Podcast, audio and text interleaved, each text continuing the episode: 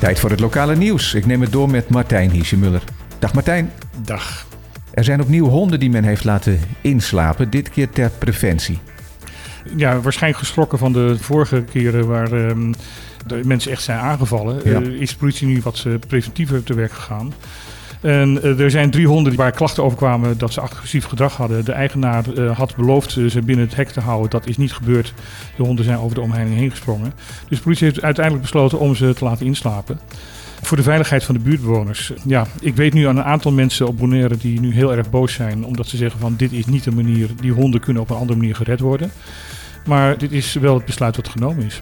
Ja, en misschien moedigt het dan wel anderen aan om snel actie te ondernemen als die ook in een situatie verkeren waar ze makkelijk uit eh, de tuin kunnen springen. Ja, en misschien ook eigenaren die wat voorzichtiger worden met hun honden. Ja.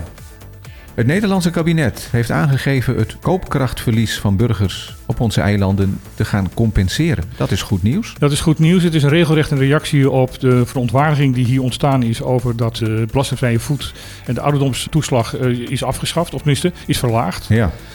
Dat is gekomen door een automatische compensatieregeling, omdat de inflatie lager uitviel eh, in 2020 dan eh, verwacht. Daardoor moest dat automatisch gecompenseerd worden. Eh, Van Rij, de, de staatssecretaris die hierover gaat, van de, vanuit Economische Zaken, heeft beloofd eh, dat hij daarnaar gaat kijken. Ja, wees voorzichtig met blij te zijn, want het kabinet overweegt. Ja, en het gaat natuurlijk niet alleen eh, om die twee belastingmaatregelen, maar ook het wegvallen van de subsidies op water en elektra en de Ja. algemene prijsstijging Nou ja, goed, is- spelen een rol. Het is zo ontzettend ja, zuur bij elkaar gekomen. De subsidie vervalt en de, de belastingverzwaring door die subsidieregeling, die wordt nu opeens van kracht. Ja, Dus ja. dat is eigenlijk dubbelop. En dat moeten ze gaan compenseren. Maar ik zeg al, het kabinet overweegt, dus er is nog geen beslissing genomen. Laat staan dat er al is aangegeven op welke manier die Ja. koopkracht wordt gecorrigeerd. Maar er wordt in ieder geval vanuit het kabinet naar gekeken. Laten we het daar maar op houden. Oké. Sinds begin dit jaar kan jong talent ook op Bonaire een aanvraag doen voor subsidie uit een potje dat genaamd is e-Young Talent Fund. Dat is een fund wat opgericht is door een bekend bedrijf, EY. Een wereldleider op het gebied van accountants en belastingadviezen. Mhm. Die hadden al op Curaçao een fonds met deze naam. En dat hebben ze nu beschikbaar gesteld ook voor Aruba en Bonaire. En voor wat voor soort zaken kun je dan die aanvraag doen? Van alles. Als je maar jong bent, kan je tot maximaal 6000 dollar per jaar kan je aanvragen om eh, succesmomenten te verbeteren, basis te leggen voor toekomstige artiesten, cursussen te volgen, van alles. Dus ook op bijvoorbeeld het gebied van sport of zo, Ja. dat zou allemaal Ja, kunnen. dat, dat kan allemaal. Het is de, de verrijking van het collectief talent van onze cultuur en gemeenschap. Dat eh, zijn de woorden van de EY. Ja. De toekenning gaat via het Prins eh, Bernhard Cultuurfonds Caribisch Gebied. Mhm. En ook eh, de aanvraag eh, doe je bij dat fonds. ja. Is er bekend hoeveel geld er beschikbaar is? Er is 70.000 gulden, eh, Curaçaose gulden, dus dat is 39.000 dollar beschikbaar.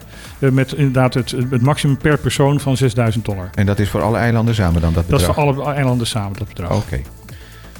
Het toeristenbureau, de Tourism Corporation Bonaire, heeft een marketingovereenkomst gesloten met de lokale artiest IR Sais.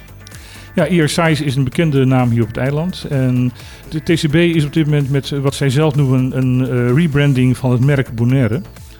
En daar willen ze dus ook heel veel lokale cultuur bij eh, betrekken. En Ja. dit is een, een, een manier om dat te doen. IR Size heeft gezegd van dat hij eh, ook in zijn liedjes en in, in zijn uitingen eh, Bonaire zal promoten. En daarnaast zal ehm, de TCB vanuit hun organisatie proberen hem te ondersteunen. Ja, wij draaien al een van de liedjes waarin Bonaire wordt gepromoot. Misschien leuk om dat aansluitend aan het nieuwsbulletin zo even te laten horen. Lijkt me een goed idee. Ja, want TCB heeft natuurlijk al eerder samenwerkingsovereenkomsten gesloten met de bekende sporters, windsurfers. Windsurfers, eh, ze zijn echt bezig en ik moet ze daar echt een compliment voor geven om eh, TCB op een andere manier in de markt te zetten en Bonaire op een andere manier in de markt te zetten. Inderdaad, meer duurzaam, meer cultuurgericht. Ja, Bonaire zoals Bonaire is. Dan nog even de COVID-situatie. Eerst maar even naar Curaçao, want daar was nieuws. Daar is nieuws, een artikeltje in eh, Curaçao.nu, dat is de Curaçaose versie van Bonaire.nu.